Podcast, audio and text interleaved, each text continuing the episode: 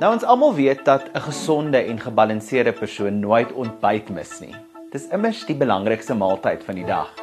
En dis ook sekerlik die geval vir van ons gunsteling televisie ontbytprogramme. Jy praat mos nou 'n vrou se taal daar. Skole wat sy die hele dag in kan hardloop. En as ek nou 100% eerlik moet wees, is daar sekerlik niks beter as om wakker te word met 'n koffie en 'n beskuit in die hand en jou gunsteling ontbytprogram op die kassie. Die uh kletsrymer, François Henning bekend as Snotkop is nou saam met ons in die ateljee. Goeiemôre en welkom. Hoe lyk dit dames? Dit lyk lekker hoor. Aktualiteit, nuus, verkeer, weer, asook lekker Afrikaanse musiek is alles op die spyskaart met die groot ontbyt en ontbytsake span. En dis met wie ek kuier in hierdie week se episode van Cassie Kuiers. Aanbieders Jenna van Belong, Jennifer Meiberg en Eloise Gipro kom maak 'n draai en verklap 'n bietjie meer oor die binnewerkinge van ons gunsteling kyknet ontbytprogramme. Die naweekprogram Ontbytsake is 'n tydskrifstyl televisieprogram wat Suid-Afrika deurreis, asook die naburige Namibia wat aan klein en medium sakeondernemings as ook al mense blootstel aan die wonderlike wêreld van televisie. Eloise, ons ken mekaar nou al vir jare, meer socially as enigiets anders. En die ja. ding wat ek dink almal mee saam met my sal stem, die wat nou jou al ontmoet het, is dat twee dinge hulle altyd sal bybly. Dis jou infectious glimlag en jou borrelende persoonlikheid. Ek neem aan dis hierdie eienskappe wat jou 'n perfekte pas maak om 'n ontbytprogram aan te bied. Ek dink wat 'n goeie ontbyt televisie aanbieder maak is iemand wat eg is aan haarself of aan homself. Want dit is vroeg in die oggend, dis voor meeste mense wakker is en um, ek dink nie enigiemand is lus om iemand te sien wat aansitterig is daai tyd van die oggend nie. Wel ek persoonlik sal jy nou wil kyk na iemand wat aansit nie. So ek dink egtheid is maar dis is belangrik oor alle um, aspekte van aanbieding, enige tipe program, want dit is jouself. Dis jy wat mense voor inskakel. Natuurlik is dit binne 'n sekere formaat van 'n program, maar mense hulle skakel in om vir jou te sien. So as jy kan opdaag, jouself kan wees in hoe dit ook al lyk daai dag, dink ek is dit wat dit goed maak. Ek dink die lekker ding van 'n program soos ontbytsake is dat daar regtig iets van alles is en beslis iets vir almal.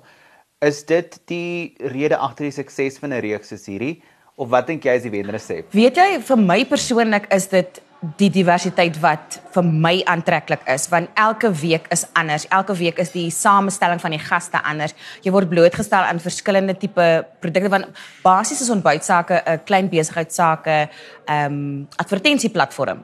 So dit is wonderlik om die verskillende dienste um kennis te neem van wat in ons land gebeur, die verskillende produkte wat beskikbaar is wat ek nie noodwendig van sou geweet het uit tradisionele um oorde nie. So dit is wat vir my lekker is en natuurlik uiteenlopende gaste wat ons kry in die vermaaklikheidsaspek.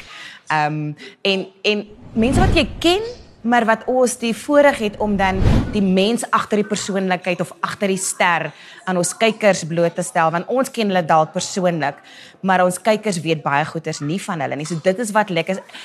In terme van 'n wenresep dink ek nie ehm um, die die die een ding wat ek wel opgelet het en wat iemand soos Jeremy Maggs gesê het toe hy op die program was as 'n gas is die pas van die program. Dit is vinnig, dit is vibey, daar is nie 'n oomblik se stilte nie en mense wat kom kuier op die program en ons ook ons besef nie 'n uur en 'n half ehm um, verbygegaan het nie.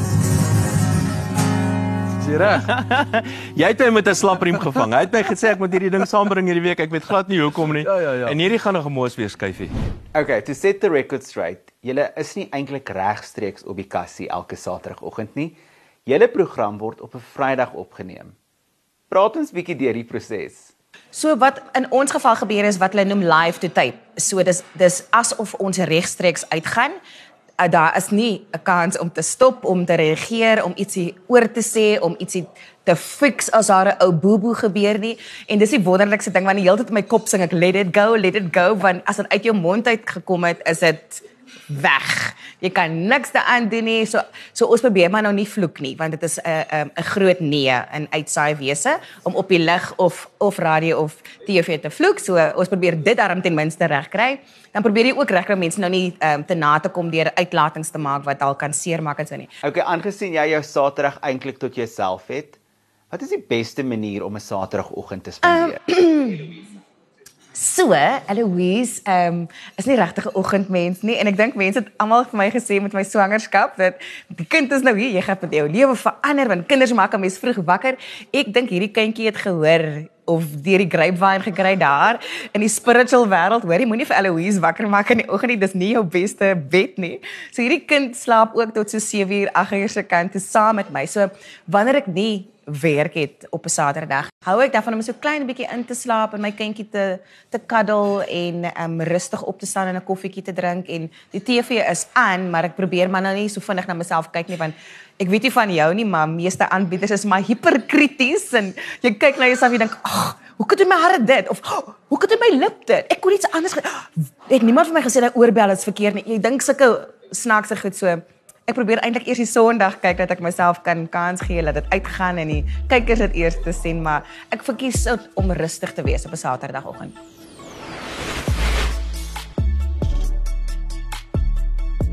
Die weekoggendprogram Die Groot Ontbyt se inhoud bespreek sake wat verkeer, nuus en vermaak insluit. Die program het vroeër vanjaar 'n splinternuwe aanbiederspan aangekondig.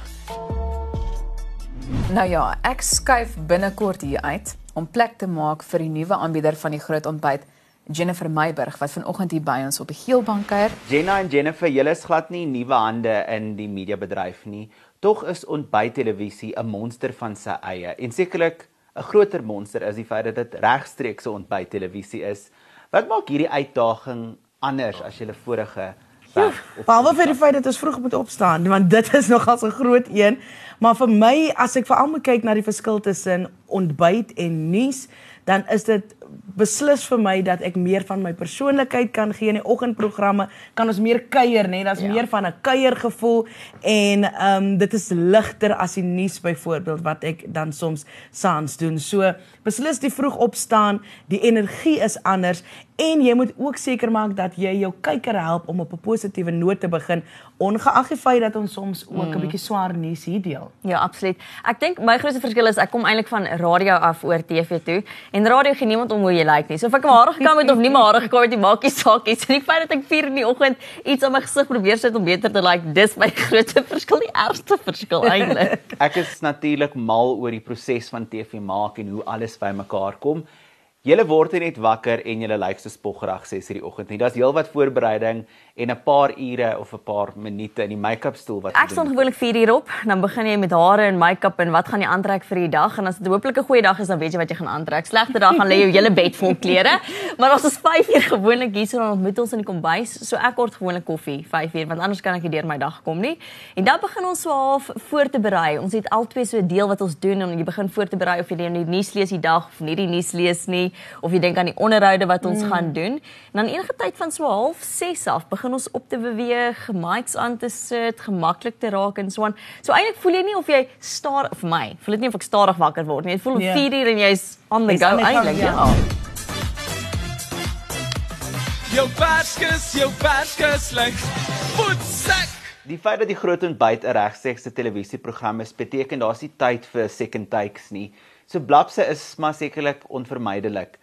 Is daar 'n blaps of 'n slip of the tongue wat nog steeds julle bybly en jy nog steeds jouself oorskop en hoe hanteer julle hierdie?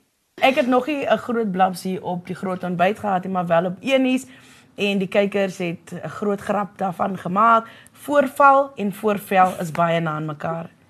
En ek is nie die enigste een wat al daai blaps gemaak het uh, op TV nie. Dit is baie baie so slette voor vel voorval. Ek bedoel Ek dink ook soos ek dink mense is mense, so jy moet vir jouself kan lag. Iewers gaan iets verkeerd gaan en jy moet eintlik vir jouself kan lag net weet, okay, wag, volgende keer gaan ek probeer beter wees. Ja.